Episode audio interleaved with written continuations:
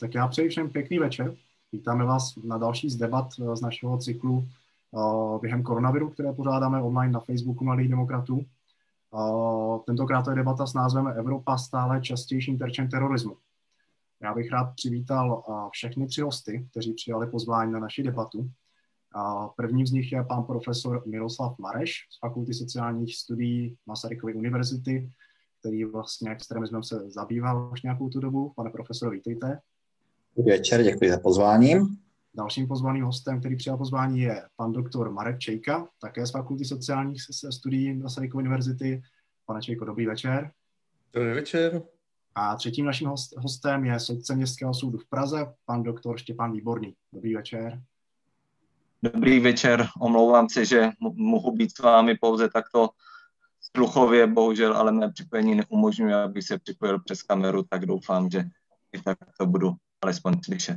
Tak důležité je, že vás slyšíme, pane Výborný, a ještě bych řekl, než započneme samotnou debatu, že tato debata se koná díky laskavé podpoře nadace Hanse Seidla, které děkujeme.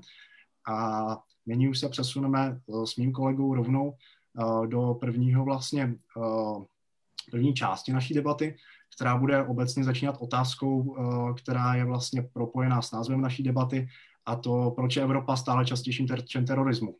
Čím to vlastně je, pánové? Začněte klidně první, pane profesore Vymaraši. Já tedy začnu, ale možná se hned trochu vymezím určité otázce, protože otázka je, jako co bereme za, za, za stále častější a co vlastně budeme jako terorismus chápat, protože když se podíváme na statistiky teroristických činů, tak jak jsou třeba vedeny od různých, v různých databázích a od různých organizací, tak my vlastně nevidíme nějaký jak kvantitativní nárůst teroristických činů oproti třeba 70. letům nebo i jiným obdobím, uh, jedným obdobím vývoje. Co samozřejmě vidíme, je teďka ten zvýšený level, no zvýšená úroveň uh, islamistického terorismu, ať už od madridských eh, atentátů, anebo zvlášť teda v posledních, posledních pěti letech od atentátů ve Francii. Vidíme zároveň nové jevy v krajině pravicovém terorismu. Nicméně to ještě neznamená, že, že ten počet když se, toho, co je vedeno jako teroristický čin, nějak úplně zásadně stoupá. Rozhodně se ale, řekl bych, že zvýšila sekuritizace toho terorismu z hlediska, z hlediska dokumentů e, třeba politiky e, bezpečnostní ve střední a ve střední Evropě nebo ve středovýchodní Evropě, protože v Německu terorismus sekuritizován už dříve a uh, myslím si, že určitě je tomu teď věnována mimořádná pozornost médií a uh, veřejnosti. Na straně druhé, když se podíváme do 70. let třeba na aktivity ultralevicového terorismu, i tam vidíme velký mediální zájem, velké změny zákonů, uh, velkou reakci, velkou reakci veřejnosti. Já vám děkuji za to úvodní slovo. Nyní bych rád přenechal slovo panu Čejkovi. Pane Čejko, váš názor tady k té úvodní otázce? Jo, určitě s tím souhlasím a zase ty, ty statistiky celkem, celkem jsou jasný. Určitě, jako kdyby se na to třeba podíváme v kontextu posledního roku, tak samozřejmě určitý nárůst je možný vidět, což hodně se to právě projevuje ve Francii, kde zase to specifická situace. Teďka nám, nám se to může zdát jako kdyby závažnější, protože se to nějakým způsobem jako kdyby hodně přiblížilo třeba našemu území, že jo, to mám na mysli třeba ten teroristický útok ve Vídni, ale, ale celkově vlastně, když se podíváme, vidíme to v nějakém jako širším kontextu, tak rozhodně Evropa není, není, není tím regionem, který by vlastně v současnosti trpěl nějakým zásadním nárůstem terorismu. Eh, když se spíše to třeba dneska, jsou to regiony, o kterých se skoro u nás nemluví, to znamená například subsaharská Afrika, tam se třeba jako kdyby hodně přesunuly aktivity toho takzvaného islámského státu, Eh, došlo třeba k určitému zlepšení situace v Iráku a v Afganistánu, ale zase třeba taky pořád je možný říci, že tady, tady tyto země, pravděpodobně to bude asi Jemen, že, že, že patří mezi ty, které vlastně jsou nejvíc třeba v současnosti ohroženy, ohroženy terorismem. Pak, a pak jsou tady samozřejmě další, jako kdyby, že jo, ne, není to zdaleka jenom islamistický, nebo radikálně islamistický terorismus, aby byl přesný, ale, ale právě třeba, jak tady Mirek Mareš zmiňoval, ten, ten ultrapravicový a podobně, je možný vidět třeba ve Spojených státech, ale dokonce třeba na takových místech, jako je Nový Zéland, jo, že tam byl zase že jo, velký, velký útok tady tohoto typu relativně, relativně nedávno. Takže tady to, to, to jsou taky jako kdyby určitě, určitě důležitý, důležité věci. Je to potřeba skutečně vidět v nějakým širším, širším kontextu A jasný, mediální zájem je e, určitě hodně soustředěný dlouhodobě na radikálně islamistický terorismus a je to, je to celkem pochopitelné a samozřejmě nás zajímá to, co, nebo Evropa nejzajímá především to, co se děje v Evropě, ale zas, na druhou stranu by se nemělo zapomínat, co se, co se taky děje v okolí a vlastně jak to srovnávat s nějakým jako kdyby vědeckým způsobem. Super, taky děkuji za váš příspěvek a posledního bych poprosil Štěpána Výborného. Máte slovo. Já, já se nejspíše od kolegů neodliším, také si myslím, že na tu otázku by bylo možno odpovědět, že Evropa není stále častější terčem teroristických útoků. Ostatně, když si vzpomeneme na léta minulá, minulá desetiletí, tak zde bylo množství teroristických útoků spáchaných různými politicky krajními uskupeními, můžeme za všechny zmínit eh, frakci Rudé armády, nebo naopak nějakými etnickými skupinami, které se teroristickými způsoby snažili prosadit své cíle, například ETA ve Španělsku a Francii, případně IRA ve, ve Velké Británii. Jak už říkali kolegové, samozřejmě je odlišný ten způsob toho terorismu, respektive ne, ne způsob hlediska toho provedení, ale z hlediska toho, kdo za tím teroristickým útokem stojí. A já si spíš myslím, že spíše než pokládat eh, otázku, proč je Evropa stále častějším terčem terorismu, by bylo dle mého lepší, proč vlastně jsou ti teroristé v současné době možná úspěšnější v tom, čím chtějí tím skutkem dosáhnout. Pokud se podíváme na samou podstatu toho terorismu, tak eh, terorista počítá s nějakým kalkulem, že jeho čin nezapůsobí pouze v úzkém okruhu ale zapůsobí skutečně na široké masy obyvatelstva. A to si myslím, že v současné době je pro teroristy velmi snadné, především z hlediska různých mediálních a sociálních sítí, nebo jejich skutek třeba i spáchaný na druhém konci světa velmi snadno dostane i k českým posluchačům. Já taky děkuji za vaši reakci. Jsem rád, pánové, že jsme se tady shodli na tom pozitivním závěru k této otázce, že Evropa ještě na tom není tak špatně, jak by mohla být, jako jsou některé části světa, kde terorismus je mnohem častější, akorát to není tak medializováno. Dotkli jsme se vlastně toho recentního útoku ve Vídni. Já bych se rád na chvíli nad tím pozastavil a zeptal se vás, co si myslíte, že to znamená pro nás jako pro Českou republiku a jaké jsou vlastně ty rozdíly mezi třeba útoky ve Francii, teď častými a tím, který bylo tady ve Vídni. Co si o tom myslíte, pánové? Klidně, ať začne třeba Marek Čejka. Mm-hmm. Jasně. Já, já, já se přiznám, že jsem to úplně nějak detailně třeba nestudoval, ten, ten, ten útok ve Vídni je všechno. Je, zase v té Francii tam to je daleko jako kdyby komplexnější ta situace, je tam samozřejmě větší muslimská komunita, logicky je tam taky asi, mm, protože je tak veliká ta komunita, tak samozřejmě je tam i nějaká jako kdyby větší pravděpodobnost, že tam samozřejmě můžou být extremisté a podobně v té Vídni, co si vzpomínám, eh, to nemá, nemá zdaleka, tak, tam je samozřejmě taky velká, jako kdyby třeba muslimská komunita z Turecka, hm, kurdská komunita a podobně, a, ale není, není tam zdaleka třeba taková, taková tradice, když, když to tak řeknu, jako kdyby teroristických útoků. A e, do, e, já, na, mě, na mě to osobně dost působilo, nebo to tak jako bylo interpretováno, jako kdyby ten, e, tí, jako ten takzvaný jako kdyby osam, osamělý vlk, jako kdyby, že, myslím, že ze začátku se o tom hodně mluvilo, o tom útoku, jako že to je organizovaný a pak víceméně se ukázalo, že to je relativně jako kdyby individuální akt, který mu samozřejmě jako kdyby dost, dost těžký, samozřejmě ty určitě rakouská tajná služba, všechny tady ty bezpečnostní e, struktury rakouský se na to soustředí, ale podobně taky jinde, jinde v Evropě, ale nejde tomu jako kdyby 100% zabránit, hlavně tady těm, těm individuálním útokům. A je vlastně možný samozřejmě, že tady mohla být určitá inspirace právě, že se vzedmula určitá taková jako kdyby vlna těch, jako kdyby většinou to byly, jako myslím, bodné útoky, e, noži a podobně, nebo, nebo tam to stětí hlavy a podobně, že to jsou skutečně jako kdyby relativně, tomu se velmi těžko dá jako kdyby předcházet. Určitě tajné služby jsou tady v tomto úspěšné nějakým způsobem, ale nikdy to vlastně nemůže být jako kdyby na, na, na 100%. A myslím, že tady hodně hrálo roli, že se prostě od sebe, od sebe tady tyto, tyto jednotlivci nebo nějaké jako kdyby menší skupiny inspirovali. Dobře, já moc děkuji za vaši odpověď. Teď bych se rád zeptal pana profesora Mareše, jestli souhlasí s tím, co řekl předchozí řečník. Tak já souhlasím s tím, co řekl docent Čejka, který tedy, nebo tady, takže to řekla Marek Čejka. Eh, souhlasím s tím, že eh, samozřejmě něco mají tajné služby pod kontrolou. Eh, tohle, tohle se nepodařilo uhlídat a čím je vlastně ten útok jiný než, než ty ve Francii. On z mého pohledu jako navazoval na tu linii těch útoků, které se staly právě v důsledku opětovného rozvíření kauzy Charlie Hebdo a eh, vlastně nové, nové vlny eh, problémů kolem karikatur proroka Mohameda. Proč se to stalo v Rakousku?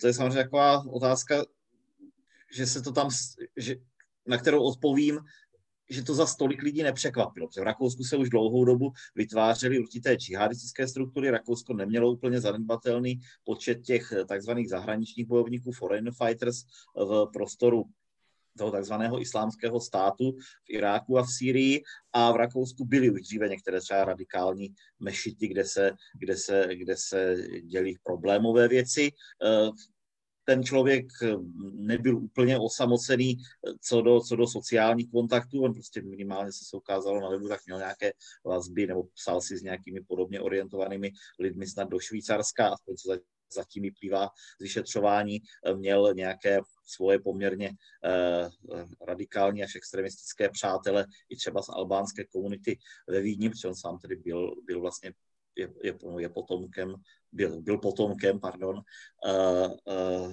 Mak, uh, Albánců ze severní Makedonie.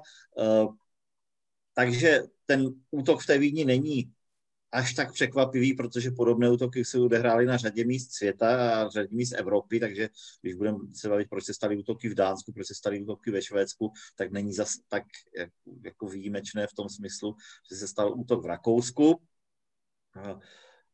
No a co si z toho máme vzít, tak samozřejmě je, je, je to jako věc, která je varující a e, je třeba spolupracovat i s rakouskými bezpečnostními složkami intenzivně, což se konec konců také, děje, protože Vídeň e, má poměrně silnou komunitu lidí, kteří tendují k těm, k těm extremistickým směrům e, islamismu a konec konců také o tom svědčí reakce současné rakouské vlády, která se tomu snaží, snaží zamezit.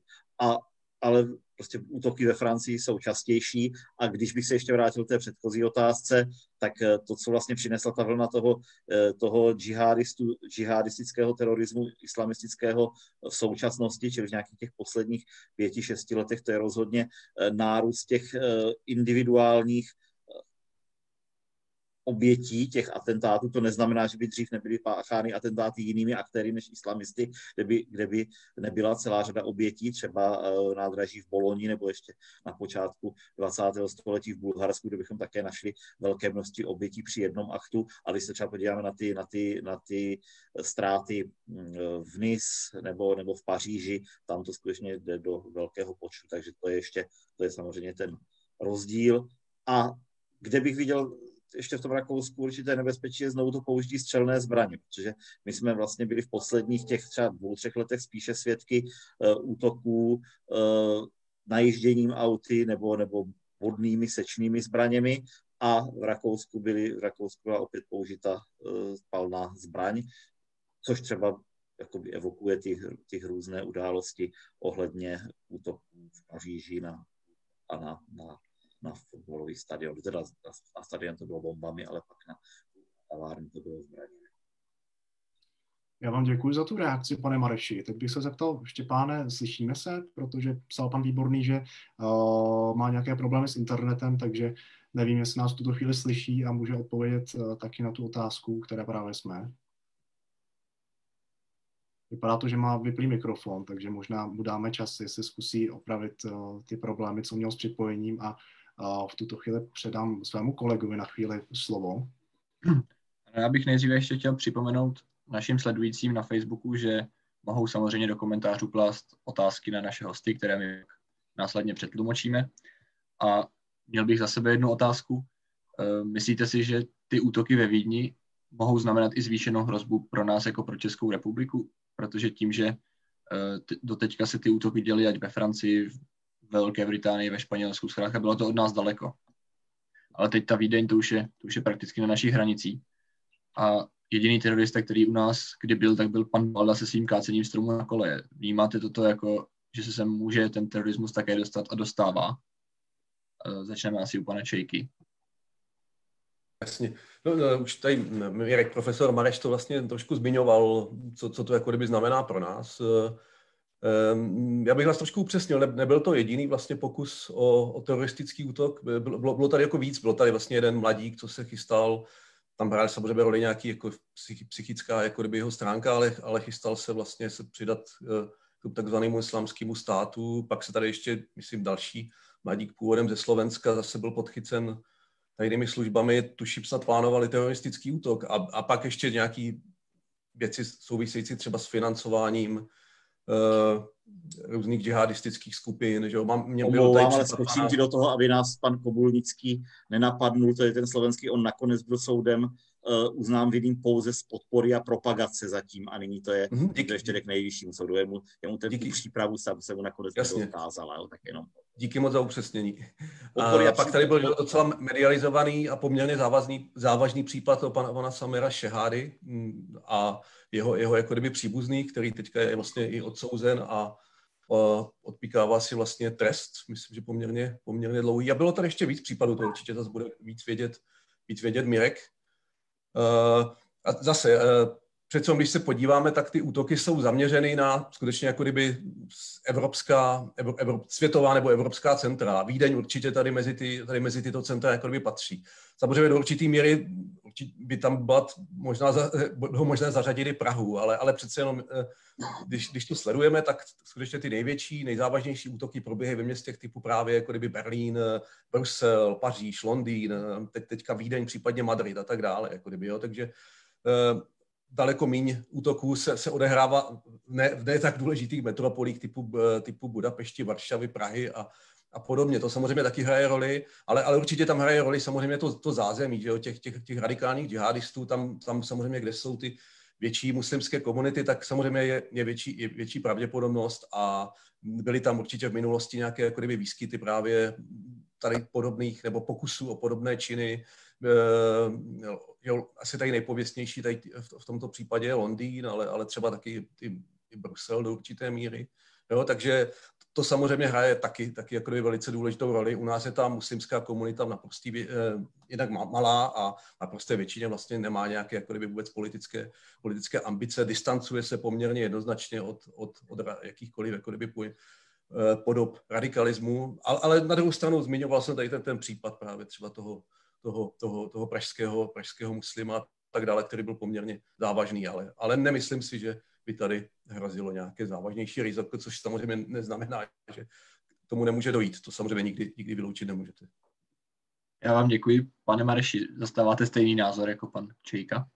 V podstatě ano, samozřejmě my musíme uh, rozlišovat mezi tím vlivem toho atentátu, že by, nebo toho, toho teroristického útoku ve Vídni, že by to nějak přímo ovlivnilo někoho u nás, to si já myslím, že ono je, jako je celkem jedno, jestli se to stane v Berlíně nebo ve Vídni, a nějakými vazbami z Vídně do české e, islamistické komunity.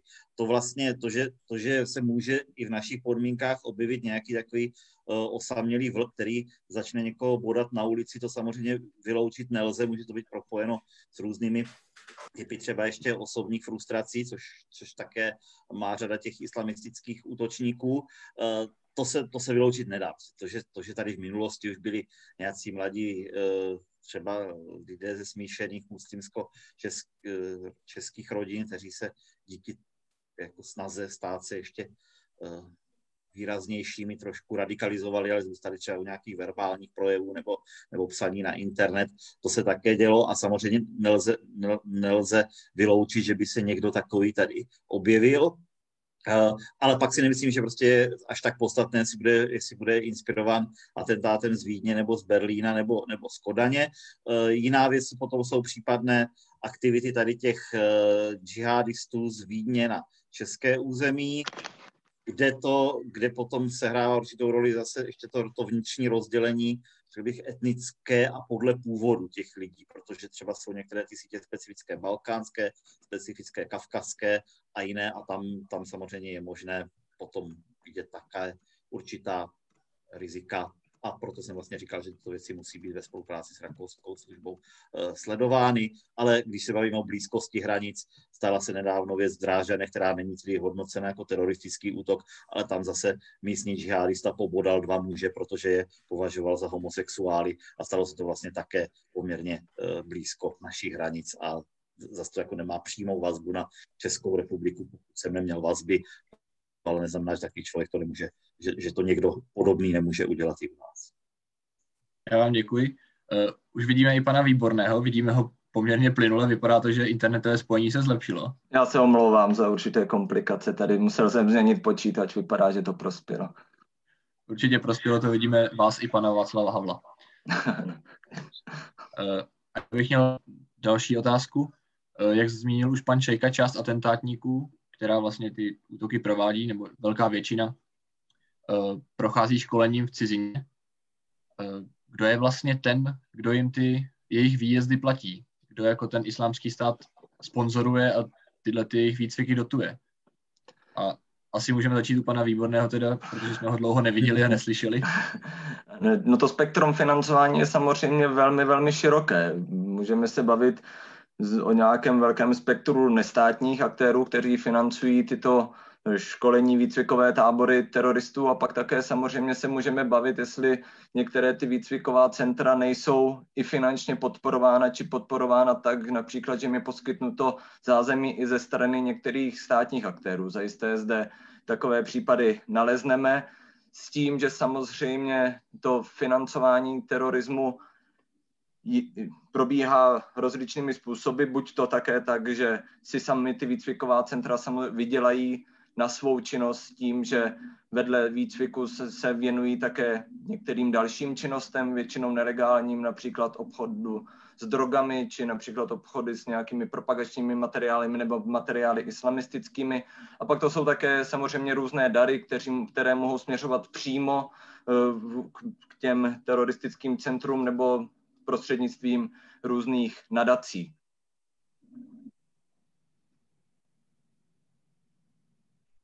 Ano, já vám děkuji za vaši odpověď. Eh, co pan Čejka má? Má něco k tomu tématu ještě? Eh, sponsoringu? Hmm, já myslím, že to Štěpán řekl vyčerpávajícím, vyčerpávajícím způsobem. Ano, a pan Mareš? Já také. přikivuji, protože si myslím, že skutečně tam bylo řečeno to podstatné. Eh, ne o všech těch tocích víme, které, které, které třeba stály u zrodu toho islámského státu, také třeba si uvědomit, že on dobil velká území a eh, měl třeba pod kontrolou právě obchod s ropou a tam se potom spekuluje, kdo všechno byli jeho, jeho zákazníci. Eh, v současné době si myslím, že to má taky hodně regionální stránky, to financování, protože vlastně ten islámský stát působí na uh, řadě míst světa, už to mluvil, už o tom mluvil Marek Čejka, kde bych třeba já teďka viděl tu, tu oblast, kde výrazně expanduje také jihozápadní Afrika a zvyšuje se právě třeba hrozba pro jihoafrickou republiku díky tomu. No a tam samozřejmě jsou o tom lokální zdroje financování, lokální organizovaný zločin, který, který je na tyhle, na tyhle struktury napojen. Podobně zase Filipíny a, a tamní expanze. Já bych tomu možná jenom ještě dodal k tomu samotnému financování, že boj proti tomu financování je poměrně, nebo minimálně částečně úspěšně veden na celoevropské úrovni, protože myslím, že to je zrovna jedna z mála oblastí, kde ta harmonizace evropská poměrně proběhla. I v Českém trestním zákonníku se pak následně vlastně toto projevilo, kdy byly specifikovány eh, zvláštní skutkové podstaty právě týkající se financování terorismu s tím, že vlastně v současné době dle českého trestního práva osoba, která finančně by přispívala na činnost teroristické skupiny, může být odsouzena na 3 až 12 let. S tím, že tato skutková podstata skutečně vychází z různých harmonizačních předpisů evropských. Mhm. Ještě pan Mareš si přál Já jenom doplním teď Štěpána, co říkal, že vlastně to není pouze eh, paragraf, eh, který by byl v trestním zákonníku, ale je, byl, aplikován, byl, byl aplikován nedávno na takový eh, smutný případ iráckého otce, který z Vysočiny financoval svého syna, který odešel bojovat do, do právě do islámského státu. Zřejmě tam podle dostupných informací padl a ten byl tedy také odsouzen letos za právě za financování terorismu. A já bych možná ještě jenom k tomu dodal, že se to netýká pouze trestního práva, ale například finančního práva nebo snahy o tom vlastně zadržet ty finanční toky, že v tomto směru bych řekl, že ta evropská spolupráce minimálně probíhá. Jestli je úspěšná nebo nikoli, o tom bychom mohli debatovat. Ale... Já vám děkuji, že jste právě narazili tady na to téma vlastně nějaké té prevence vlastně financování terorismu a nebo vlastně i celkové to, jak jsme zmiňovali, že někdo z České republiky se může přihlásit k islámskému státu a proto bych se rád zamyslel teď nad tím, do jaké míry vlastně české bezpečnostní složky uh, spolupracující s tajnými službami můžou vlastně odhalit tyto věci, nebo do jaké míry se to doteď uh, dařilo uh, nějak efektivně zjišťovat, když nějaký individuál, jak jsme už zmiňovali několikrát, osamělý vlk se rozhodne, že v tuto chvíli se přidá k islámskému státu a v České republice bude plánovat nějaký ten útok. Pane Mareši, můžete klidně začít. Tak vzhledem k tomu, že jsme tady zatím žádný islamistický útok neměli, tak, tak to znamená, že i ty případné uh, s, uh, tendence k němu byly odhaleny a v tomto směru naše bezpečnostní složky monitorují ty uh, rizikové komunity, kde by se něco takového mohlo vyskytnout. Uh, takže řekl bych, že jak policie, tak tak zpravodajské služby se velmi intenzivně terorismem zabývají.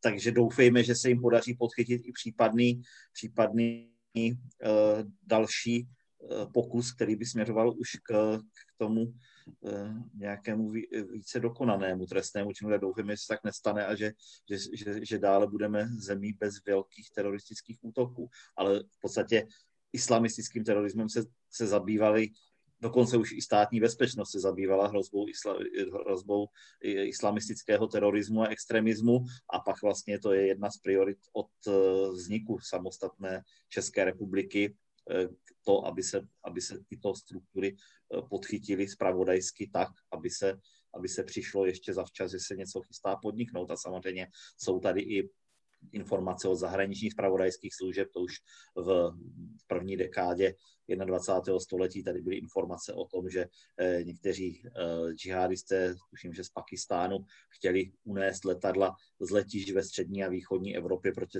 a udělat něco ale 11. září proti západoevropským městům. Eh, to se podařilo, tomu se podařilo zamezit ještě v počátku, ještě předtím, než přešli na to naše území, ale právě to, že na takovýchto věcech samozřejmě pracují zpravodajské služby a policejní orgány a vyměňují si o nich informace. Já vám děkuji za tu reakci. Jako dalšího bych poprosil o slovo Marka Čejku.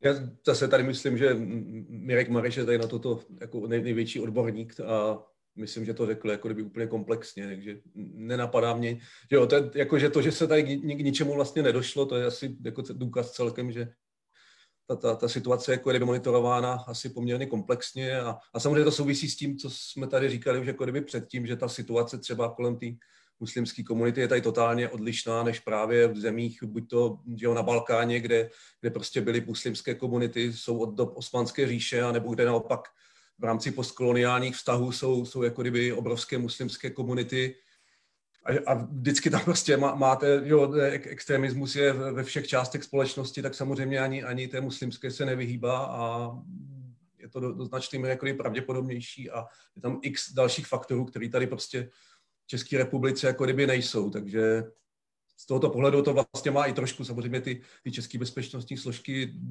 asi lehčí tu situaci, než, než třeba francouzská tajná služba, nebo já ne, nevím, některé západy evropské. Na druhou stranu určitě právě jsou to schopny, schopny zvládat. Já vám děkuju a rád bych se ptal Štěpána Výborného, jestli by mohl ještě trochu mluvit eh, k tomu financování vlastně, jak na evropské úrovni se daří odhalovat nějaké ty pokusy financování terorismu, když tak.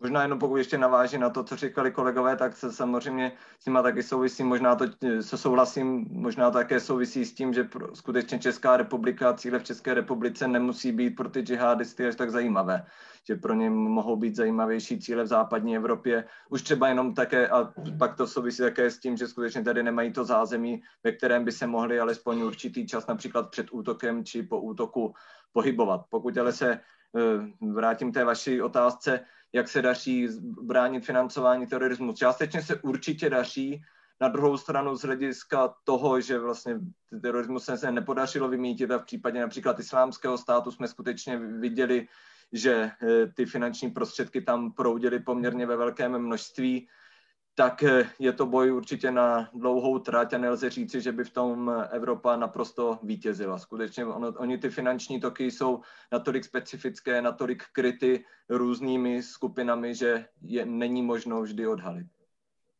Dobře, já vám děkuji za tu závěrečnou reakci tady k tomu tématu. Teď jsem se dozvěděl, že máme nějaké dotazy už o takže poprosím kolegu Honzu Pekárka, aby přečetl, když tak. Jo, mám tady první dotaz. Hezký večer, pánové. Chtěl bych se zeptat, jaké jsou odhady na počty těchto radikálů, například v České republice nebo jejich podporovatelů. Děkuji za odpověď a na docenta Čejku se budu těšit na přednášce. Tak první asi tedy dám slovo panu Čejkovi. Já, já se, se přiznám, že nemám, jak, jako nesleduju detailně tady tyto věci v České republice, tak ne, ne, nemám tady teďka k dispozici čísla nějaký konkrétního, takže tohle by možná nechal na kolegy. Dobře, tak co na to pan Mareš? Ten má no, je to samozřejmě těžké říct, protože uh, nějaké, nějaká přesná data lze těžko získat. Když dáme, když dáme sociologický výzkum dotazníky, tak, tak nám to asi málo kdo odpoví. Uh, ale uh, tak jako porovnání třeba s tím, jak to třeba sledují zahraniční zpravodajské služby ve vazbě třeba na počet, celkový počet uh, muslimů v naší zemi, který ale taky vlastně není až tak úplně jasný, kolik jich vlastně je, tak řekl bych, že lidé, kteří jsou nějakým způsobem uh, výrazně kritičtí k, k evropskému demokratickému zřízení a kteří třeba chtějí, chtějí výrazně prosazovat ten svůj, ten, ty, ty svoje náhledy vycházející z konceptu šaria, tak bych si zcela od boku si troufnu tak střeli, že to u nás může být zhruba jakých 600 lidí, ale je to skutečně jako, chtěl jste po mně číslo, tak ho tak trošku jako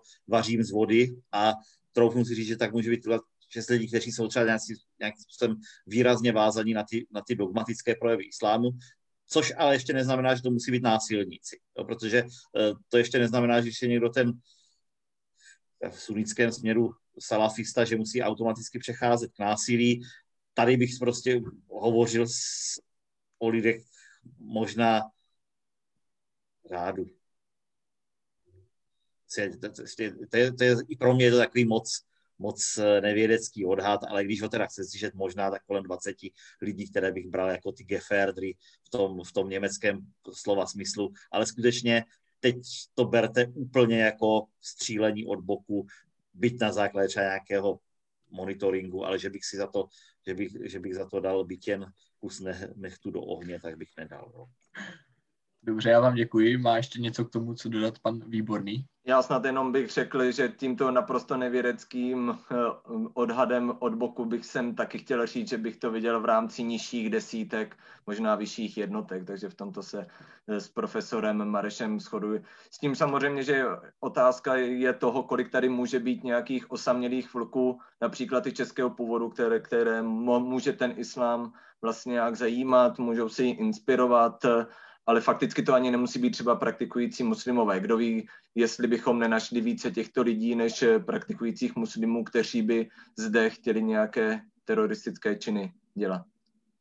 To možná ještě dám právě jednu věc, že ono to zase má, má vazbu na určitou inspiraci, že jsme třeba viděli tady v těch letech 16, 15, 16, 17, vlnu právě některých těch mladíků, kteří chtěli třeba jeden z nich, jak říkal Marek, chtěl odjet do, do islámského státu, druhý prostě propagoval mezi spolužáky uh, videa islámského státu a podobně. Ale to bylo asi v době, kdy ten islámský stát byl na té výrazné expanzi, kdy to bylo, kdy se prostě po internetu všude šířila ta různá videa, kdy to právě spíš inspirovalo nějaké ty jednotlivce, kteří byli až jako psychopatologičtí orientovaní a přijali to, že oni budou zastrašovat ti ostatním, že si budou, že ze sebe udělají džihadisti. A právě to byli často ti čeští konvertité, eh, nebylo jich zase tak tolik, ale byli takový, co, co se k tomuto přidávali a ve chvíli, kdy ten islámský stát zase jakoby na ústupu, tak si myslím, že tady ten, tady ten propagační efekt bude o něco nižší. Ale znovu říkám, to, co jsme se bavili, ty útoky v západní Evropě, to, že mohou tady inspirovat nějakého toho osamělého vlka, tak, tak to právě rozhodně nelze vyloučit. A může to být právě třeba lidé frustrovaní z toho, že tady jsou, to a můžou to být třeba lidé, kteří, se, kteří, si, kteří sem přišli s vidinou lepšího výdělku, tím, že si třeba našli manželku, která byla na, na střední východě, no severní Africe na dovolené, teď se tady cítí ostrakizování, cítí se vlastně uh, ponižování děním, které se tady kolem nich děje, protože nevyhovují představám a to potom může třeba vést k frustraci a následně k radikalizaci takového jednotlivce, který ani nemusí třeba docházet do nějakého uh, kolektivu v modlitebnách nebo mešitách. Ale zase to je jiné riziková, to je jiná riziková skupina, třeba, když to řeknu obecně, eh, středoazijského původu, které se které, mezi kterými existují právě rozhodně ne všichni z té oblasti, ale někteří muslimové z této oblasti žijí ve velmi uzavřených komunitách, také jsou nespokojeni s, s tím sekulárním prostředím, které se kolem nich e, vytvořilo a tam také může hrozit určitá, některých z nich potom ta. Já vám děkuji za vaše odpovědi. A jak už zde pan Výborný nakousl, tak eh, Evropě probíhá spolupráce eh, při zastavování těch peněžních toků pro, tu, pro ty organizace teroristické. A chtěl bych se vás zeptat ještě, eh, jestli v Evropské unii nebo v Evropě obecně probíhá i jako dobrá spolupráce, co se týče předávání dat eh, mezi jednotlivými bezpečnostními nebo tajnými službami, tak aby tito lidé vlastně byli zastaveni ještě předtím, než se vůbec ničemu takovému dostanou. A jako první bych chtěl dát opět slovo panu Čejkovi. Hmm. Já jsem tady ještě zvedl ručičku, jestli si nevšimli. Já jsem to ano. chtěl ještě doplnit. Mirek tam zmiňoval vlastně tu, tu, tu problematiku těch konvertitů. To, to je určitě zajímavý, protože to jsou právě, eh, a často je to právě v té v mladší generaci, eh, prostě lidé, kteří, které by v minulosti eh, i třeba v té muslimské komunitě oslovovali úplně, úplně jiné věci a nějaký jako kdyby chuligánství třeba a podobně, nebo, nebo případně já nevím, neonacismus, radikální levice a tak dále, tak vlastně do určitý míry samozřejmě teďka skrz al qaidu a, a ten takzvaný islámský stát, ten, ten radikální islamismus, i skrz vlastně tu velmi sofistikovanou propagandu, jako byl velmi in tady pro tu tady eh, jakousi jako revoltující generaci, která třeba v té západní Evropě, že to tam hrají roli ty, ty sociální důvody, jako kdyby, takže často jsou, byli lidi, co se týká náboženství, velmi, velmi jako kdyby nevzdělaní. Naopak je poměrně málo eh, lidí, kteří mají nějaký hlubší náboženský islámský vzdělání, tak, tak, tak jako kdyby mezi nimi jako kdyby najít. Jo? Takže to je, to je taky jako kdyby zajímavé. Takže v tomhle případě to můžou být jako, jako rychlo kvašky, konvertiti různí, nebo, nebo, nebo uh, samozvaní konverti, to je oni ani jako můžou sobě prohlašovat, že jsou, že jsou a ale může to být velmi sporný, jestli vůbec byli nějakou jako kdyby muslimskou komunitou jako kdyby přijatí, že on, tam ta konverze může být jako kdyby poměrně, poměrně jednoduchá, třeba na rozdíl od, od jiných, jiných náboženství. Takže to je taky jako kdyby velice důležitý faktor a pak už to samozřejmě zase je na taky na pomezí psychologie, psychiatrie, eh, jaký to má vlastně vlivy a do jaký míry jsou to vlastně muslimové nebo, nebo nejsou, jako kdyby, jo, že to zase často je to jako kdyby hrozně, hrozně jako kdyby směšováno a ne, nehledí se na ty další faktory. Já zase ale ne, ne, ne všichni, ale zase že s těmi konvertity obecně, oni se potom zase potom eh, některými teda, kteří to nějak poctivě studují a tak dále, nebo, nebo minimálně si to o sobě myslí, tak se snaží být, snaží být eh, jak se říká, papeštější než papež a podobně. A zase může to vést eh, v případě té eh, nějaké popularity náboženského radikalismu, tak to může vést jako kdyby, tady k takovým jako kdyby podobným, podobným, podobným důsledkům. No. A co se týká u té evropské spolupráce, zase to, to není úplně oblast, kterou bych se, kterou bych se zabýval, ale určitě samozřejmě v rámci, v rámci Evropské unie se jako kdyby zlepšilo, nebo nevím, jestli tam hraje nějakou roli i NATO, nebo nějaký jako kdyby Interpol a a další vlastně formy, for, formy spolupráce jsou určitě výrazně lepší, než byly před vstupem tady do těchto, tady, tady, tady do těchto organizací. A na, na, na druhou stranu, že jo, asi vždycky tradičně ta trošku ta výměna, výměna informací citlivých mezi tajnými službami byla vždycky trošku jako kdyby problematická, většinou, že jo, to na tom dochází na, na ty nejcitlivější, na nějakých jako kdyby osobních setkáních a podobně. Takže samozřejmě zase do toho, do toho nevidím úplně do detailů, ale to je mě určitě velmi, Eh, věcně doplní kolegové. Já vám děkuji. Dále bych se na to chtěl zeptat pana Výborného. Eh, co si myslíte o té evropské spolupráci? No, já bych řekl, že hlavně ta je nezbytná, protože když se podíváme na ty hlavní teroristické útoky, co proběhly, tak mnohdy ty pachatelé skutečně nepůsobili pouze v jednom státě, ale byli, byli propojeni s osobami v jiných státech, případně oni sami, oni sami přejížděli mezi státy, takže ta spolupráce skutečně na mezinárodní úrovni musí probíhat a nejenom ostatně na evropské úrovni, ale případně i například pacifické, respektive atlantické úrovni. A k, ještě bych k tomu dodal eh, jednu věc, že ta eh, spolupráce samozřejmě probíhá, dokonce bych řekl, že možná i české policejní orgány na základě této spolupráce možná byli dotlačeni k tomu, aby skutečně se tomu terorismu ve větší míře věnovali, možná i ve větší míře, než skutečně jaké riziko zde hrozí. A proto právě s ohledem na to, že se skutečně jedná o mezinárodní fenomén, ačkoliv například České republice nemusí přímo hrozit nějaký teroristický útok, tak může zde v té České republice probíhat například nějaká jeho příprava, mohou zde probíhat určitá setkání a i právě z toho důvodu je kladen důraz na tu mezinárodní spolupráci. Já vám děkuji za vaši odpověď a ještě se na to samé zeptám pana Mareše. Já mohu pouze doplnit to, co říkali kolegové. Ta spolupráce probíhá zrovna ten džihadistický nebo islamistický terorismus, ale dneska už je extremismus, které věci, které s tím souvisí, je jednou z priorit současné evropské eh, mezinárodní spolupráce na tomto poli. Eh, existuje řada grémí, kde se to řeší, kde se, ať už se to týká zpravodajských služeb nebo policejních orgánů, nebo třeba justičních orgánů, konec konců a má také eh, svoje protiteroristické struktury. Eh, na evropské úrovni existuje i koordinátor pro, pro protiteroristickou politiku, takže to, to je důkazem toho, že se, tahle, že se tyhle věci řeší a právě se řeší to zefektivňování výměny informací, že samozřejmě nestačí pouze se sejít u stolu, ale že to, že vlastně se zlepšují ty společné databáze, tak to je, to je také, také důležitý fakt. Eh, jako důkaz vlastně pro tohle tvrzení použijí nepřímý důkaz, v tom smyslu, že když nyní dochází k Brexitu, tak právě jednou z obav britských bezpečnostních složek bylo to, že ztratí přístup tady k té spolupráci v oblasti vnitřní bezpečnosti a v oblasti protiteroristického boje, protože hodnotili tady tu výměnu informací o džihadistech jako a teroristech obecně jako výhodnou. Takže, takže jenom to je vlastně důkazem toho, že, že, že to nějaký smysl má. Ještě můžu doplnit, ještě jenom do, taky eh, jsou docela sofistikovaný v rámci Evropské unie deradikalizační třeba programy, které se, se schází odborníci z různých členských zemí Evropské unie na, na různé typy jako kdyby extremismu a různým způsobem konzultují, dolaďují vlastně strategie, kterými jako kdyby přímo předcházet potenciální radikalizaci právě třeba v různých, v různých komunitách. To je taky jako docela zajímavá stránka tady té spolupráce.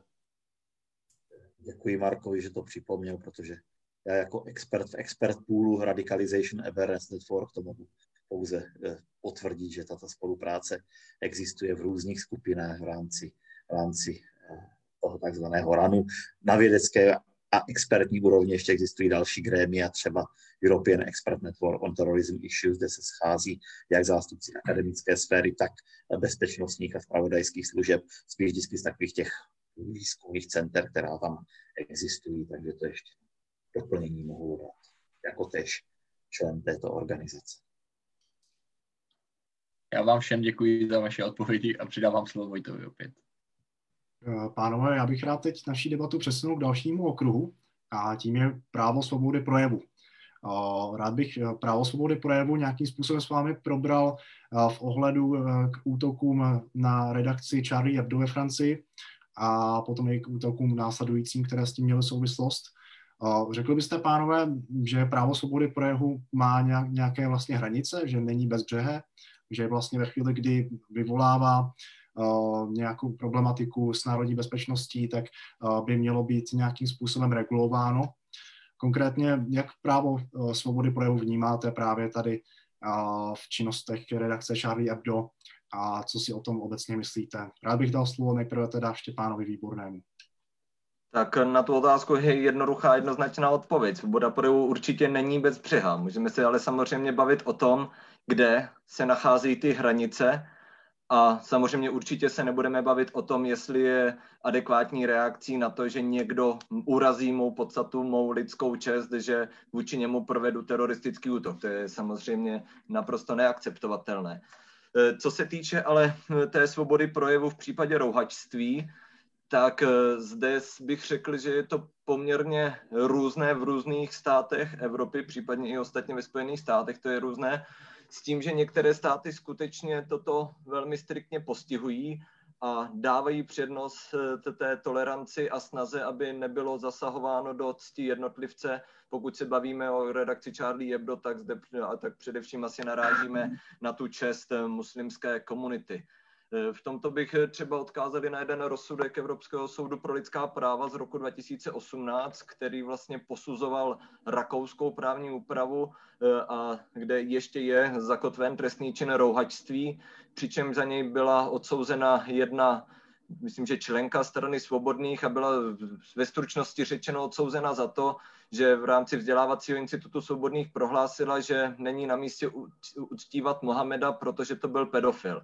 Následně za to byla trestně odsouzena rakouskými soudy, nijak drakonicky dostala pokutu e, finanční trest ve výši, pokud se nemýlím, 480 eur. Ona se však bránila, bránila se až u Evropského soudu pro lidská práva, právě poukazem na svobodu projevu, ale Evropský soud pro lidská práva řekl, že zde samozřejmě naráží svoboda projevu na zásady tolerance, jakožto hlavní zásady e, demokracie, poukázal taky na to, že tím projevem bylo zasaženo do lidské cti jiných a dal zapravdu té rakouské právní úpravě i tomu, že vlastně bylo na místě v tomto případě svobodu projevu omezit a to právě za účelem ochrany jiných hodnot.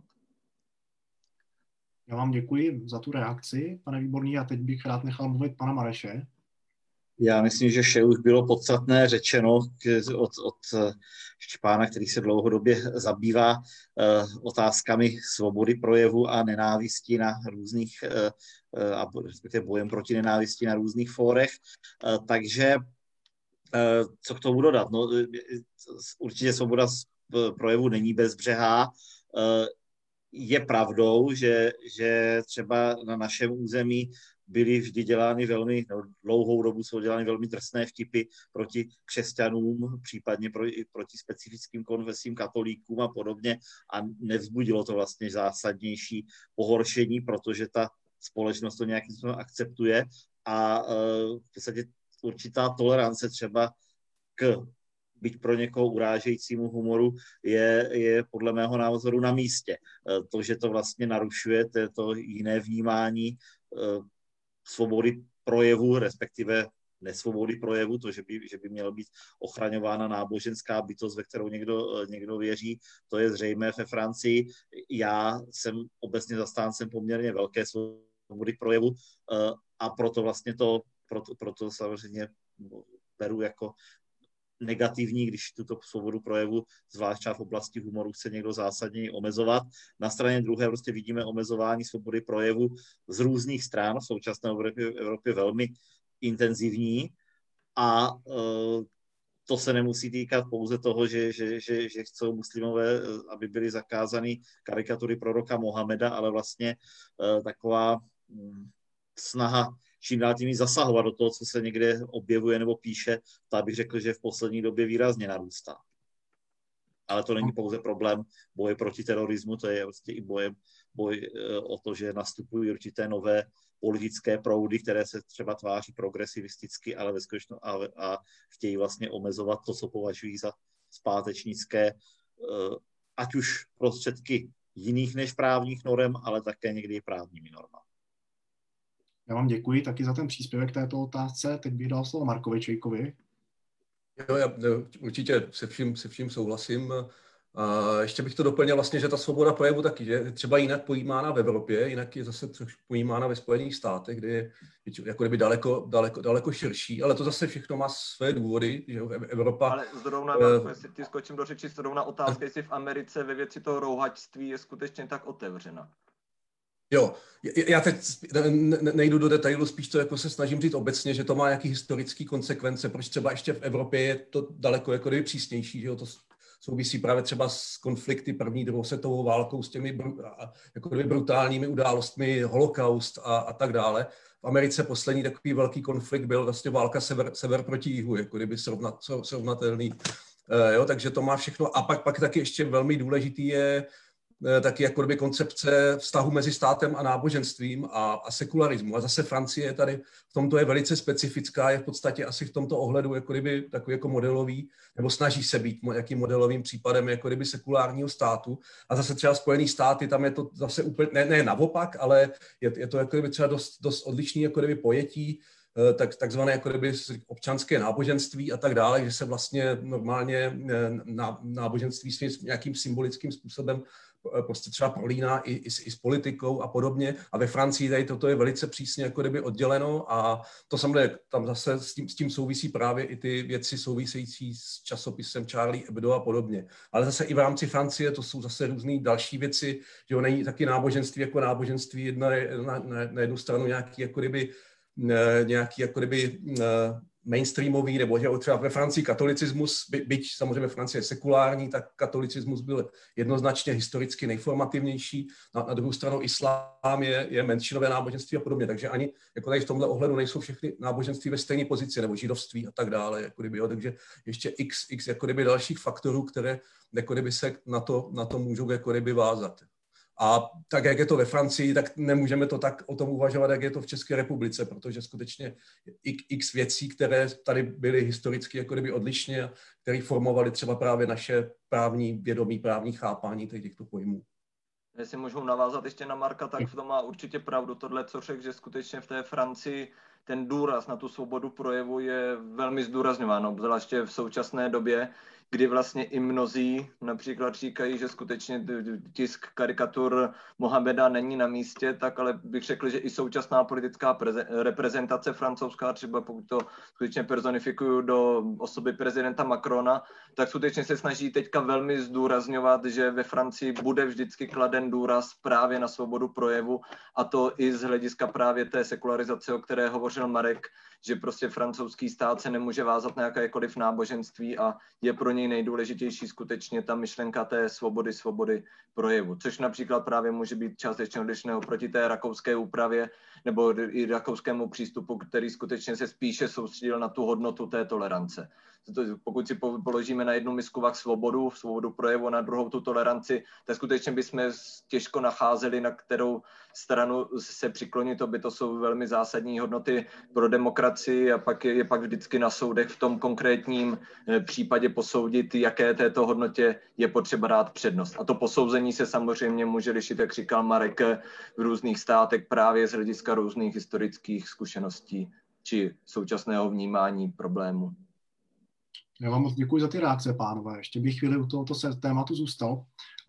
Pan Mariš vlastně zmiňoval, že to, že se tady dělají vtipy na papeže a vlastně na další třeba katolické nebo křesťanské představitele, neznamená, že vlastně křesťané budou pořádat také takové teroristické útoky, které vidíme právě u islamistů u muslimů. A chtěl bych se vás zeptat, eh, jak vy vnímáte vlastně tu změnu v medializaci, kdy vlastně před 30 lety jsme nemohli ještě vidět často v médiích to, že by někdo karikaturoval Mohameda a další vlastně proroky nějakého islámu, což může být eh, možná faktorem dalším, proč ty útoky jsou častější právě s těmi islámskými motivy.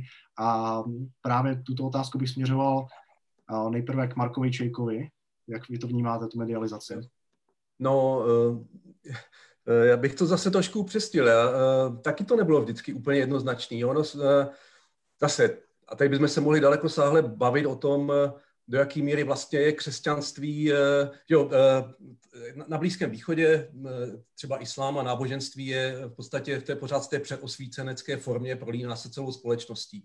Je vnímáno úplně jiným způsobem, Eh, ne, ne, než, než je to u nás, kde naopak právě ve Francii francouzská revoluce, myšlenky francouzské revoluce, sekularizace v podstatě úplně, ne, ne nebo ne, ne úplně, ale výrazně odsunuli křesťanství do, do soukromé sféry a podobně.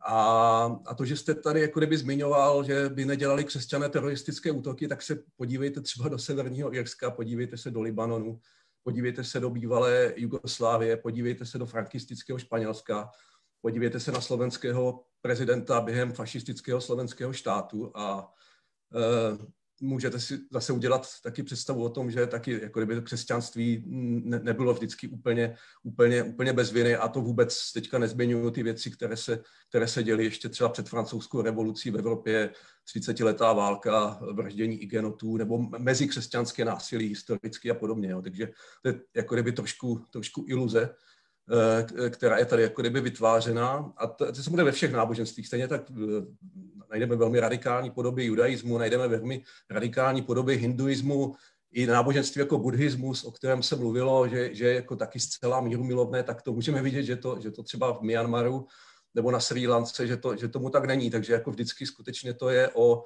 jednak specifických politických podmínkách a sekularizací té společnosti a podobně, ale, ale je to taky o, o samotných lidech. Většinou to není o těch náboženských textech, ale o jejich interpretacích a v určitou dobu prostě můžou ty, ty, ty radikální interpretace a násilí v podstatě jako kdyby převážit. Jo? Takže, takže tady v tomto bych to asi trochu jako kdyby poopravil a možná taky by někdy stálo za to se trošku podívat do historie a ne, ne tak úplně vzdálené. Já vám děkuji za to doplnění a zmínění důležitých historických událostí, které určitě jsou na místě, když se bavíme o tomto tématu. A rád bych se ale zeptal znovu na tu otázku víc vlastně přesně, třeba teď ještě pána Výborného. Myslíte si, že vlastně média jsou příčinou toho, proč vlastně eh, jsou nějaké ty útoky více popuzovány nějakou tou satirik, satirickou vlastně tematikou vůči islamismu, vůči uh, právě prorokovi Mohamedovi a dalším těm představitelům. Tak samozřejmě, že do určité míry ano, neboť samozřejmě ty média v současné době fungují velmi snadno, když to řeknu, ty informace se šíří velmi rychle a to, že například nějaký dánský deník otisk tiskne karikatury Mohameda, tak se to dostane velmi rychle i k lidem na Blízký východ, dostane se to do všech radikálních skupin po celé Evropě a ty to samozřejmě může podnítit k nějakému útoku, s tím, že samozřejmě ty média pak fungují v tom teroristickém kalkulu, které už jsem já hovořil na začátku, já teda popravdě nevím, jestli jste mě slyšeli, možná ano, možná ne, s tím, že oni pak vlastně mohou fungovat ještě jakoby v druhém stupni, že ta osoba nebo nějaká skupina se může rozhodnout pro nějaký teroristický čin právě za účelem toho, že ví, tuší, že v případě spáchání nějakého takového trestného činu budou ta média, která tu zprávu o něm roznesou do celého světa a oni skutečně budou mít, moci se prohlásit v rámci některých skupin za mučedníky nebo případně za nějaké hrdiny, plus pak ve, ve většině e, obyvatelstva pak jejich čin vyvolá údich, u, u, vyvolá děs, si s tím údiv a děs s tím, že samozřejmě poté ten jejich teroristický čin má právě ten efekt, eh, který oni jim zamýšleli, že ovlivní široké vrstvy obyvatel. Já vám děkuju. Pane Mareši, jestli taky nám něco k tomu řeknete, tak můžete. Určitě, tak samozřejmě je jasné, že, že, že minimálně jako záminka to použito k těm teroristickým útokům je. Přiznám se, že nevím, jak moc byli karikovány, musli, byli moc karikováni muslimové v minulosti, ale e, to, že vlastně se nemá nějakým způsobem sahat na jejich víru a nemá, nemá, nemá, nemá být třeba upozorňováno na ně, pardon, na nějaká negativa této víry, tak to už je v, to, to už se stalo v minulosti moc krát, že to bylo součástí různých manuálu, jak se chovat na, na, na, v blízkovýchodní nebo v muslimské oblasti. Dokonce taková, taková kuriozita, že podobnou brožurku vydal pro svoje příslušníky i nacistický Wehrmacht, že vlastně se, že, že, že, že nemají provokovat muslimy některé, některými uh, věcmi, které by snižovaly jejich víru ale samozřejmě podobně se dá také, také debatovat o tom, že, že takovéto věci se týkají celé řady kultur a náboženství, že se nemá, nemá na ně působit nějakým způsobem nenávistně. Ale ve chvíli, kdy existuje v Evropě určitá míra svobody projevu, tak ty karikatury zase reagovaly na nějaké dění. To znamená, že to, že se najednou 2006 objevily karikatury proroka Mohameda s bombou na jeho hlavě, nebo prorostlou do jeho hlavy, tak to samozřejmě jako byla reakce na to, že se rozmáhal islamistický terorismus odůvodňovaný tady touto vírou. Takže ono to je, ono to je zájemně provázané a pak zase vidíme provázanost v tom, že byly velmi dobře nachystány protesty proti těmto karikaturám. Takže uh, ano, minimálně jako záminka ty, ta publikace těchto věcí uh, slouží a to, že takové karikatury vycházejí, to je zase symbol určité míry svobody sekulární současného západního světa, která je ze strany těch dogmatických muslimů nenáviděna.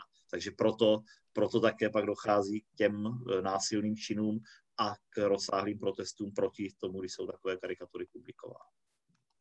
Pokud možná jenom ještě navážu na to, co řekl teďka Mirek, samozřejmě souhlasím s tím, ale samozřejmě, že i v, té, v této rovině se nyní vede ve Francii ta debata, že pokud, jak Mirek říkal, že v roce 2006 to mělo samozřejmě ty karikatury Mohameda s bombou v hlavě nějaký odraz v aktuálním dění, tak právě ve Francii se nyní vede ta debata o tom, jestli to, že nyní byly znova publikovány ty karikatury Mohameda vlastně bylo na místě, nebo vůbec jako mělo nějaký zásadní důvod, krom toho vlastně provokovat muslimskou menšinu. Já vám děkuji. A měl bych tu další otázku, která také uh, souvisí trošku s tou svobodou projevu, která zde již byla zmíněna. A to je, uh, že Facebook a Twitter, vlastně sociální sítě v aktuální době, začínají uh, s mazáním některých příspěvků, které podle nich jako jsou nevhodné, případně dochází prostě k nějakým jako porušením jejich pravidel. Uh, jak se díváte vlastně na, na tuhle tu problematiku? Protože někteří to, někteří to označují až počátek nové cenzury, to mazání příspěvků. Eh, můžeme začít třeba u pana Čejky. Jo, já zase nejsem úplně odborníkem tady na tuto problematiku, ale my, teď ne, nevím úplně, jestli, jestli budu přesný, ale zase Facebook, jo, to je americká firma Facebook, zase tam je spíš to, to jako kdyby to americké pojetí té, té, té svobody slova a podobně. A to je zase to, to je jako kdyby konflikt, jo, jak to zase bude prostě interpretováno nebo jak, e, dalších zemí, které třeba zase nemají tu, tu americkou tradici té široké svobody slova, že jo, taky, že jo, se objevil ten fact-checking a, a podobně, což se taky jako kdyby paralelně vyvíjí, jako kdyby reakce v podstatě tady na ty, na, na ty, na ty dezinformace a, a podobně. A většinou taky jsou to soukromé subjekty a ne, ne, nejsou to jako kdyby nějaký veřejný sítě, který by provozoval stát a je v podstatě trošku tak jako kdyby věcí toho, toho, toho soukromého subjektu, jak to, jak to sám jako kdyby vidí a, a může, může tady toto regulovat. Rozdíl je, když to dělá stát, rozdíl, když to dělá jako kdyby soukromník. To je právě i, i v Americe obrovský, jako kdyby taky obrovský rozdíl tady tohoto, tady tohoto pojetí, ale ne, nevidím úplně do, do, do detailu. Není to věc, kterou bych se detailně zabýval, takže určitě zase kolegové vám to řeknou daleko víc a přesněji. Ano, tak rovnou položím tu samou otázku panu Výbornému.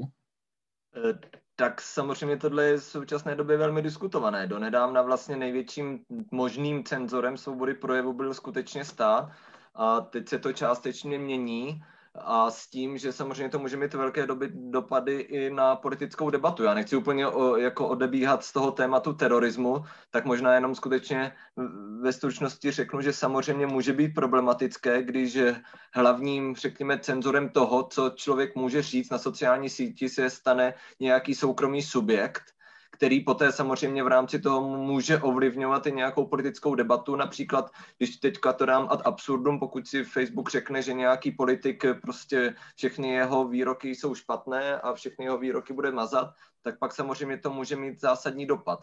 Do určité míry je toto nebezpečné. Na druhou stranu je třeba si uvědomit, že, a soudy to už opakovaně i řekli, že ty sociální sítě Eh, samozřejmě mají velký dopad eh, na společnost a proto je nezbytné, aby také oni při, jako si uvědomovali míru své odpovědnosti a vůči nenávistným projevům zasahovali.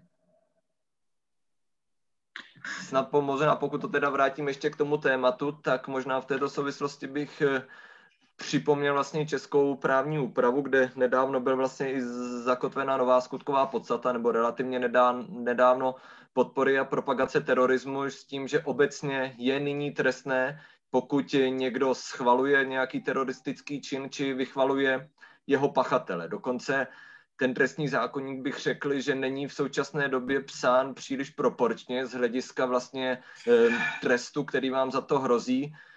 Řeknu to asi tak, že v současné době, když byste vychvalovali hm, teroristu nějakého, či schvalovali jeho teroristický čin, když to řeknu odlehčeně, což se může někomu, kdo je celkově naštván, či má obrovský strach z muslimů, tak se mu to může někdy stát, tak vlastně mu hrozí stejná skutková podstata, jako když za účelem vlastně terorismu a teroristického kalkulu unese letadlo.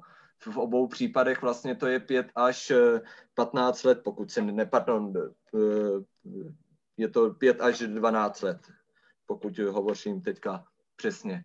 Což je skutečně částečně i neproporcionální. A, že, a obecně bychom se o tom mohli bavit, o tom postihu vlastně hate speech nebo terorism speech na e, internetu s tím, že vlastně do jedn, na, na jednu míru toto je postihováno tedy českým trestním právem, dokonce to je postihováno přísněji, pokud než byste tyto projevy pronesli v běžném prostředí. Na druhou stranu je otázka, zda skutečně ve své podstatě jsou tyto projevy natolik eh, nebezpečnými, aby, byly, aby měly být takto přímo, přísně postihovány a tomu také samozřejmě neodpovídá praxe. Nelze říci, že by tady každý, kdo napíše nějaký hate speech nebo podporuje nějaký teroristický čin či teroristu, byl uh, odsouzen nějakým drakonickým způsobem. Eh, já vám děkuji. Eh, ještě pan Mareš má něco k této problematice sociálních sítí a blokování některých názorů na nich? Většina toho bylo skutečně řečeno. Jenom když, když Marek právě správně zmiňoval ten rozdíl mezi tím státním zásahem a soukromým, tak právě Facebook byl v řadě těch věcí uh, omezujícím, to je, to, to je vlastně tím represivním, jak tedy on maže ty příspěvky, donucen právě třeba jinými soukromými subjekty, třeba inzerenty. Takže vlastně tam, tam třeba zrovna v tom, v tom US, zrovna ve Spojených státech, nešel ten tlak dominant od státu, ale od, něký, od některých soukromých uh, subjektů, které jsou potom pod vlivem, zase no, které jsou ovlivňovány právě těmi názorovými proudy ve společnosti, které uh, mají zájem tady na, na omezování určitého, určitých projevů ve, ve virtuálním prostoru.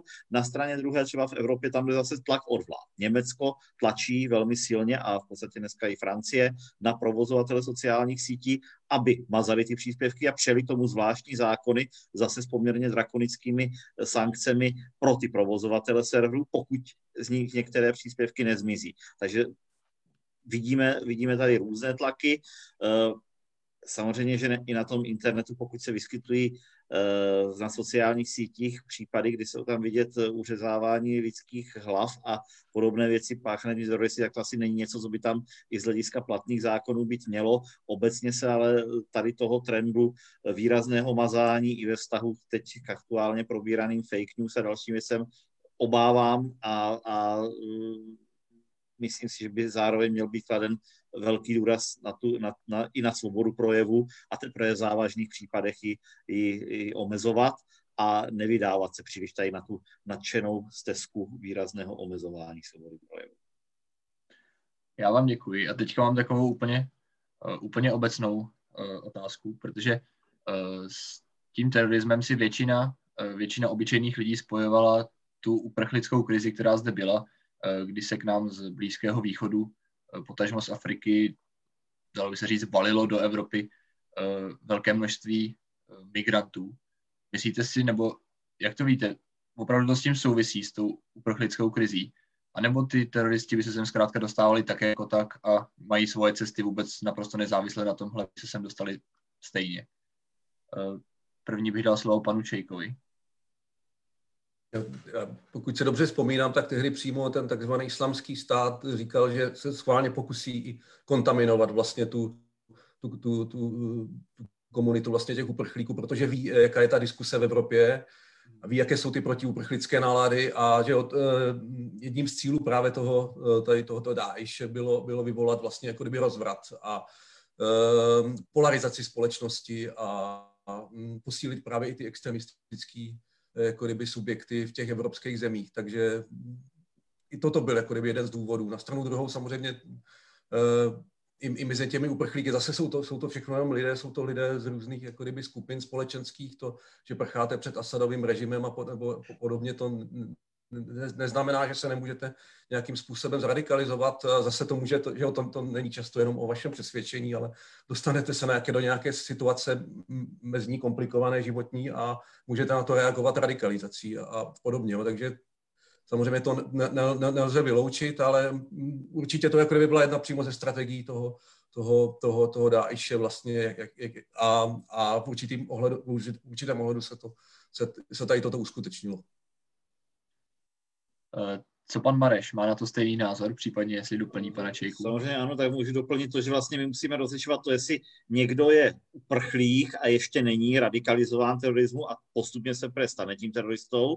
E, takové případy nejsou až tak časté, jako to, že se vlastně do té migrační vlny infiltrovali právě lidé z islámského státu nebo z Daeše a e, pak se zapojili do teroristických útoků. To byl třeba případ těch francouzských útoků.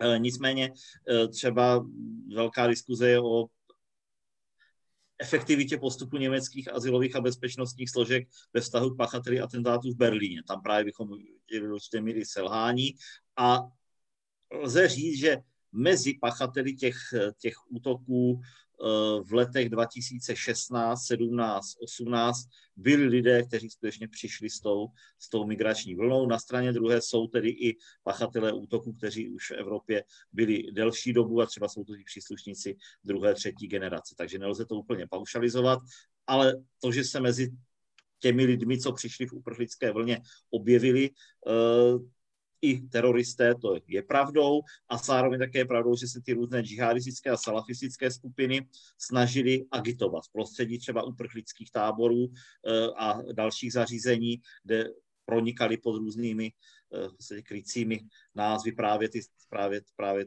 pronikala tam různá ta salafistická propaganda mezi tyto, mezi tyto lidi.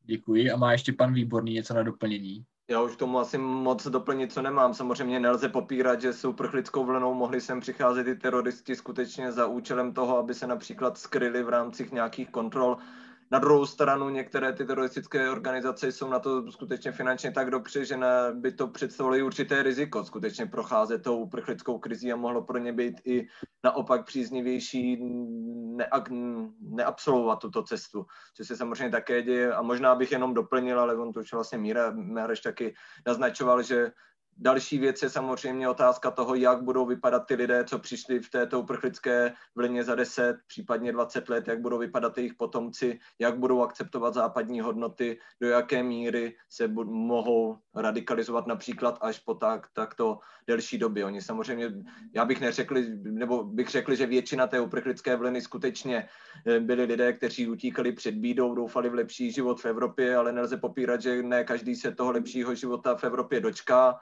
a pod vlivem různých událostí samozřejmě může k ním, u nich docházet k, k radikalizaci samozřejmě i po e, delším časovém horizontu. Já, vám Já teda ještě doplním, jenom jsem říkal, e, samo, jako proti té mase lidí, která přišla, ten počet lidí, který se zapojil do teroristických útoků, je skutečně minimální. Nebo to, to, je, pro, to, to, to je v řádech promile nebo, nebo uh, takových, to, když, to, když to vyjáří matematicky, což ale neznamená, že by samozřejmě to ještě znamenalo, že je vše v pořádku, protože právě bude eh, záležet na tom, jak se tito lidé integrují do evropské společnosti, případně zda se vrátí do zemí svých původů v situaci, v situaci kdy tam dojde k, k bezpečnostnímu zlepšení a, a podobně. Čili eh, ta věc je stále otevřená. Zatím lze konstatovat, že byli mezi nimi lidé, co se zapojili do teroristických aktivit, ale naprosto minimální procentuální míře ve vztahu k celkovému počtu.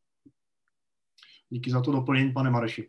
My jsme se setkali vlastně e, třeba při propagaci této události s názory vlastně e, některých uživatelů Facebooku, kterým se ta událost objevila, že ta krize vlastně, kdy imigranti proudili do Evropy, způsobila právě nárůst terorismu, že Evropská unie je tedy vlastně tím, kdo za to může, že Angela Merkelová poté za to zodpovídá vlastně názory tohoto typu, které už si sami asi umíte doplnit. A pánové, já nechci úplně mluvit o tomto, ale chtěl bych se vás zeptat, jak vy vlastně vnímáte ty současné právní meze zadržování terorismu, ať už to na té evropské úrovni nebo na té české.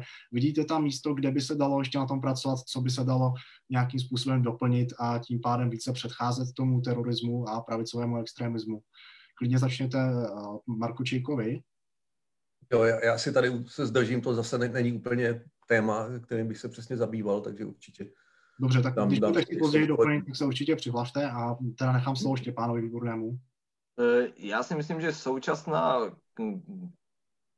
kodifikace těchto skutkových podstat a trestných činů je poměrně na dobré úrovni. Odlišoval by skutečně to, co je napsáno v Českém trestním zákonníku a to, zdali jsou, jsou orgány činné v trestním řízení úspěšné nebo zdali jsou schopné vlastně ty paragrafy aplikovat. To bych řekl, že je druhá věc, naprosto odlišná.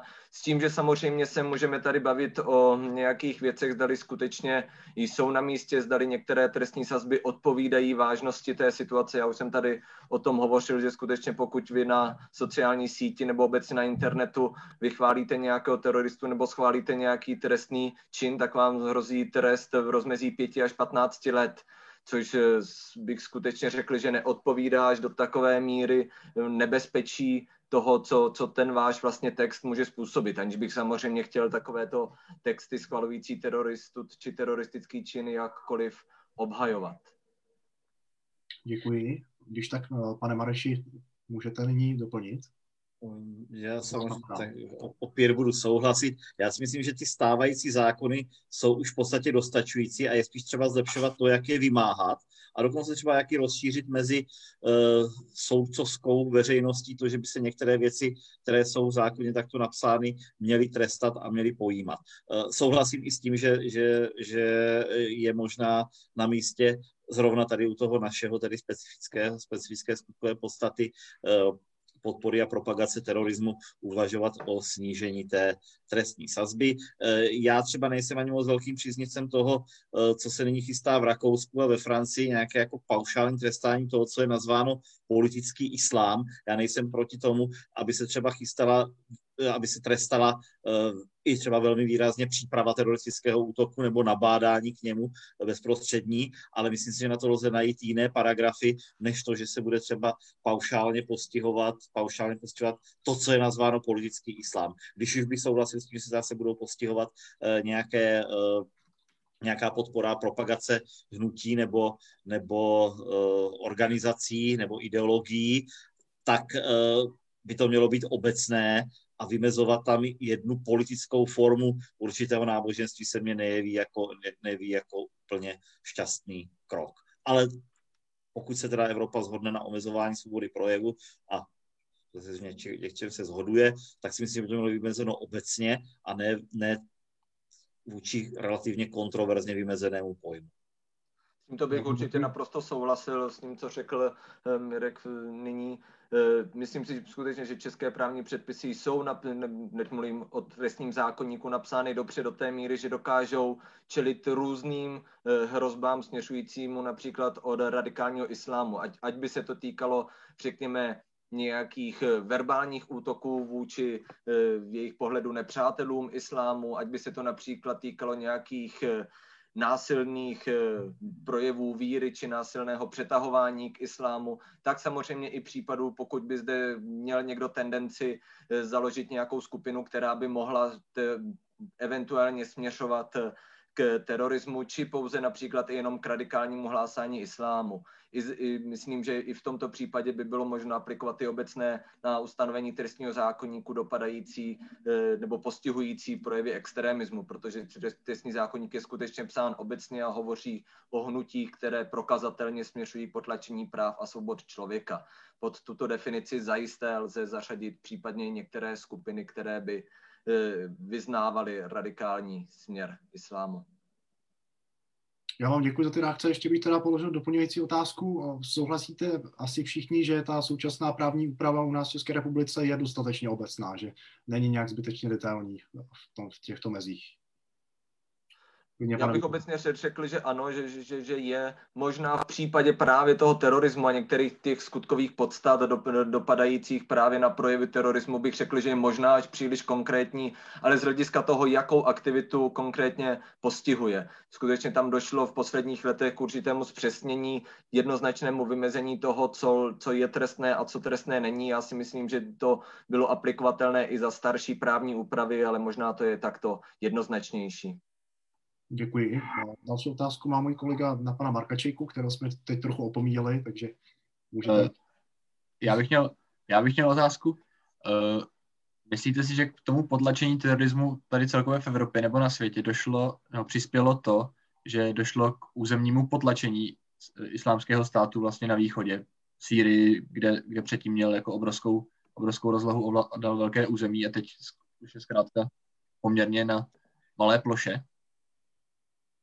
Určitě, určitě. Už, už jsme tady o tom trochu, trochu mluvili a ta, ta všechno ta sofistikovaná propaganda a to uh, souvisí s, s, tou, s, tě, s, tou, s tou teritoriální existencí, nebo že v době, kdy žil uh, Usama bin Laden a publikoval nějakým způsobem, se dostávaly na veřejnost jeho projevy a podobně, tady takové nějaké jako kdyby charismatické jako kdyby osobnosti v rámci těch teroristických skupin, tak to mělo úplně, úplně jiný, jiný, jiný dopad a dnes, dneska ta situace eh, těch skupin je výrazně odlišná a stejně tak i ty evropské bezpečnostní služby jsou už jako kdyby dale, dale, daleko víc znají tu situaci a daleko víc mají jako kdyby tu situaci pod kontrolou, než, než třeba v době, kdy, kdy právě ten, ten Daesh eh, krystalizoval. Jo. Takže to, to má určitě jako kdyby velký, velký dopad. A myslím si, že právě i to se projeví právě na evropském terorismu, což ale neza, nezabrání tomu, že občas se může, občas to pořád stále jako kdyby může být eh, důležité, jako kdyby důležitý mobilizační faktor.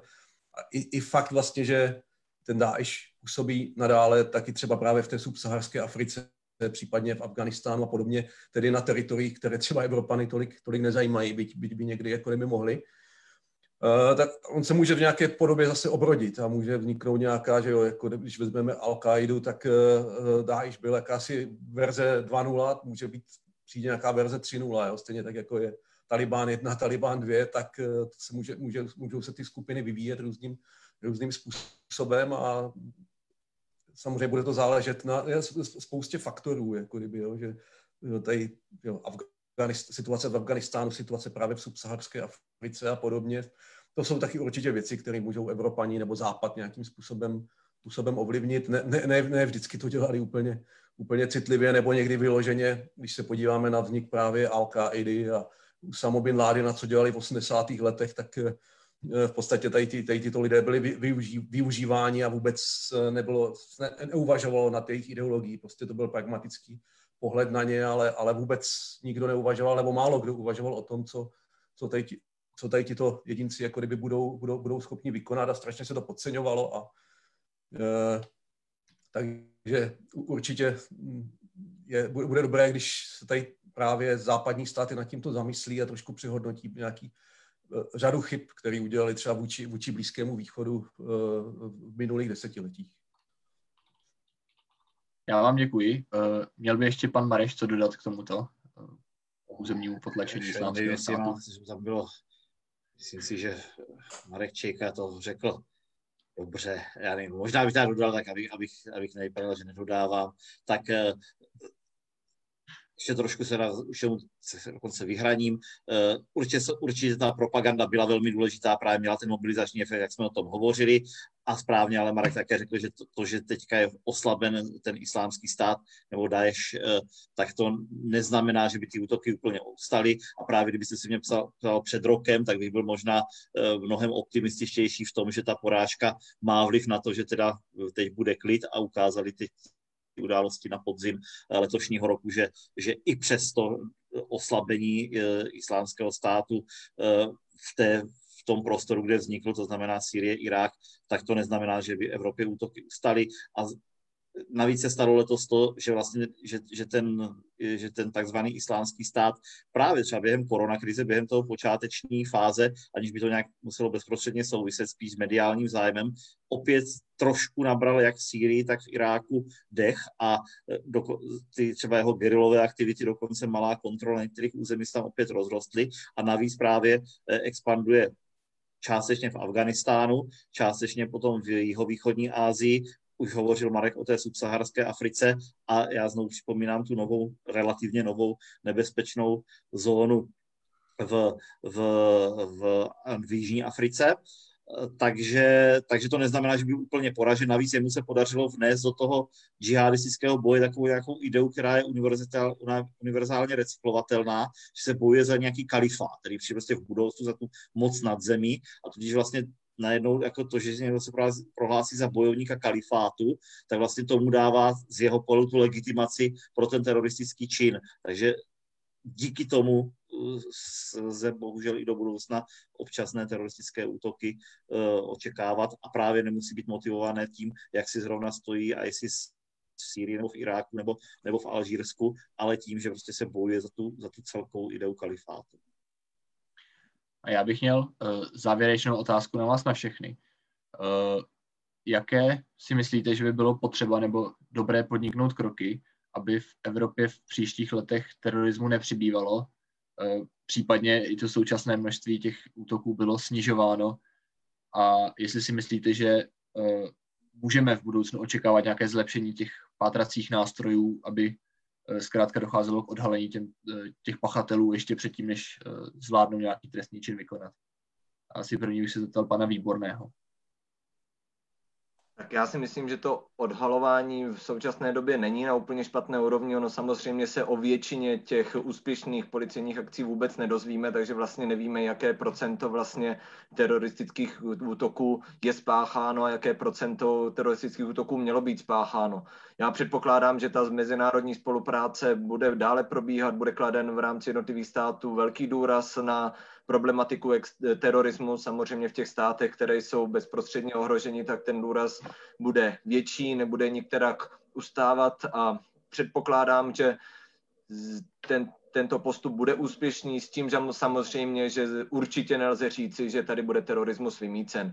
Terorismus tady je vlastně už drahnou dobu a určitě zde bude a jak už říkali před chvílí při ostatní řečníci, nezáleží to ani tak na tom, jestli islámský stát eh, ovládá velké území, malé území, má velké finanční zisky z toho území či nikoliv.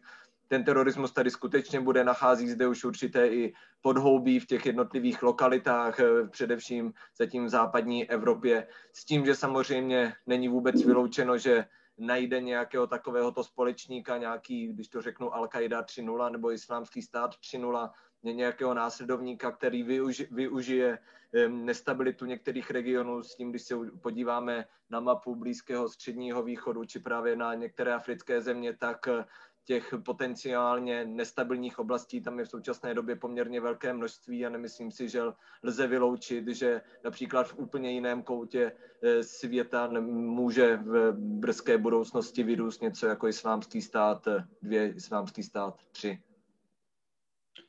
Já, já vám děkuji. Uh, má nějaký nápad pan Čejka?